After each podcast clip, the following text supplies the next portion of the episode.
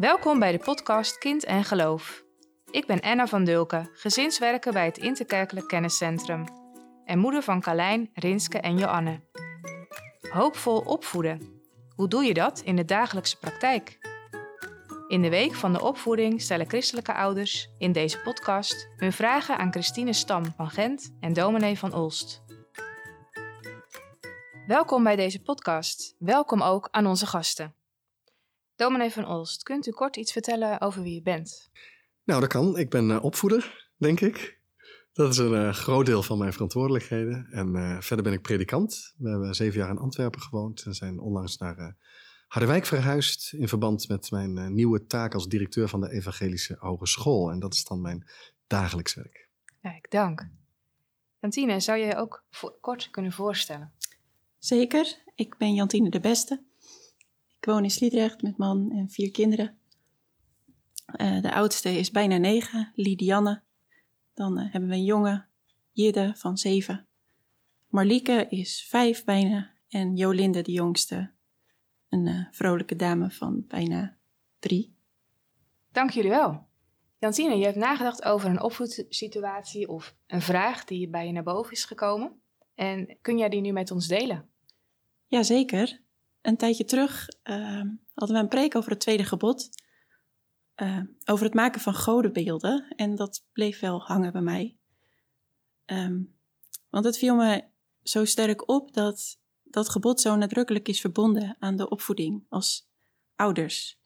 Als je dat op je in laat wer werken, is het echt heel bepalend welk beeld van God je geeft, meegeeft aan je kinderen. Want dat werkt echt generaties lang door als ouders zijn we eigenlijk beelddragers van God. En persoonlijk voel ik die verantwoordelijkheid echt heel zwaar wegen. Want hoe kan ik nou in al mijn tekorten laten zien aan de kinderen wie de Heer is? Dat voelt als een hele hoge lat waar ik aan moet voldoen. En dat zou zich dan moeten uiten in alles perfect. Huisgodsdienst, nou ja, uh, in alle aspecten van het leven. Maar aan de andere kant is dat iets wat volgens mij juist ingaat tegen het evangelie waarin het draait om genade.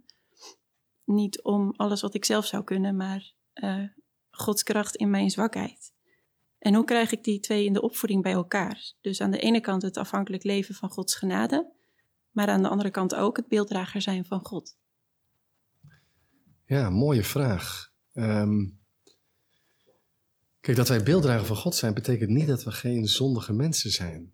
En ik denk dat je eigenlijk zonder zelf ook zondaar te zijn en dat ook eerlijk te communiceren naar je kind toe en echt van genade te leven, dat je dan een veel zuiverder beeld van God doorgeeft dan dat je op je tenen zou gaan lopen, je perfect wil gedragen en eh, doet alsof je, je gebruikt de term beelddrager van God, alsof in jouw leven het volmaakte beeld van God zichtbaar moet zijn. Terwijl ik denk, ja, we zijn beelddragers van God, maar dat beeld is, is ja, er is natuurlijk wel veel mee gebeurd door de zonde. Um, God schakelt zondige ouders in om kinderen voor te gaan. Um, dat, dat kunnen wij niet anders maken. We mogen juist wegwijzers zijn naar God toe. En het beeld wat we van God geven is zeer overstijgend van wie we zelf zijn. Dus het is niet zo dat als wij maar perfect zijn, dat we dan zeggen: zie je, zo goed is God. Juist als zondige mensen kunnen we goed spreken van een God die genade geeft. Dus ik denk dat ik veel minder zou streven naar het perfecte. En dat ik denk: oh, maar ik, ik moet goed leven, want dan kan ik het goede beeld van God doorgeven. Ik denk dat je eerder kan zeggen: um, ik spreek goed van God. En ik zeg in het opgroeien tegen mijn kinderen eerlijk: ik had ook dingen anders moeten doen. En ik ben niet perfect. Maar we moeten allemaal van genade leven.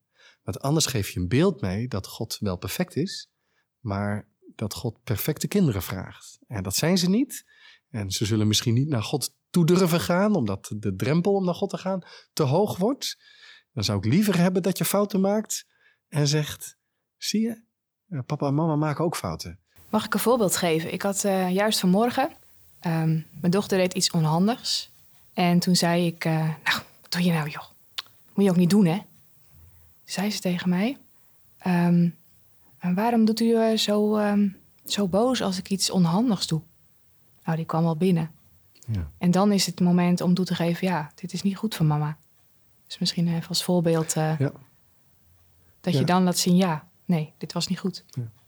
Ja. ik vind het echt ja, zeker als de kinderen wat ouder worden, dan beginnen ze je er wel mee te confronteren met je eigen ongeduld en Ja. ongemakkelijke reageren en fouten enzovoorts. En ik denk dat het goed is. Ik denk dat je ook vaak moet zeggen van ja, het is niet perfect geweest, die opvoeding. eh, maar dat doet niks af van hun beeld van God. Dat verwachten ze ook niet van mij hoor, merk ik. Ze verwachten dat niet. En ik denk dat je dat met een predikant ook zou hebben. Als die predikant voortdurend doet dat zijn geloofsleven perfect is, is het best moeilijk om er wat van te leren. Je wordt er heel krampachtig en heigerig van. Maar als je iemand op de kansel hebt staan die ook eerlijk zegt: Ik leef zelf ook van genade, dan wordt dat godsbeeld veel zuiverder. Dus ik denk dat je juist in oprechtheid en eerlijkheid, dat je ook in, in ontspannenheid mag opvoeden. Wetend, hè? God weet wat maakzaam wij zijn. En toch wil hij ons gebruiken om ja, op die goede God te wijzen die in genade ook met onze kinderen wil omgaan. Ja, mooi. Dan schitteren Gods eigenschappen eigenlijk tegen onze donkere achtergrond nog heerlijker. Ja, mooi gezegd, zeker. Dank jullie wel voor het mooie gesprek. Graag gedaan. Ja, je hebt een mooie vraag ingebracht, Jantine. En eh, ik denk dat het ons weer nieuwe inzichten heeft gegeven. Dank daarvoor. Morgen zijn wij weer met een nieuwe podcast. In deze week van de opvoeding worden nog meer inzichten gedeeld. Volg Evangeliestek op social media om geen aflevering te missen.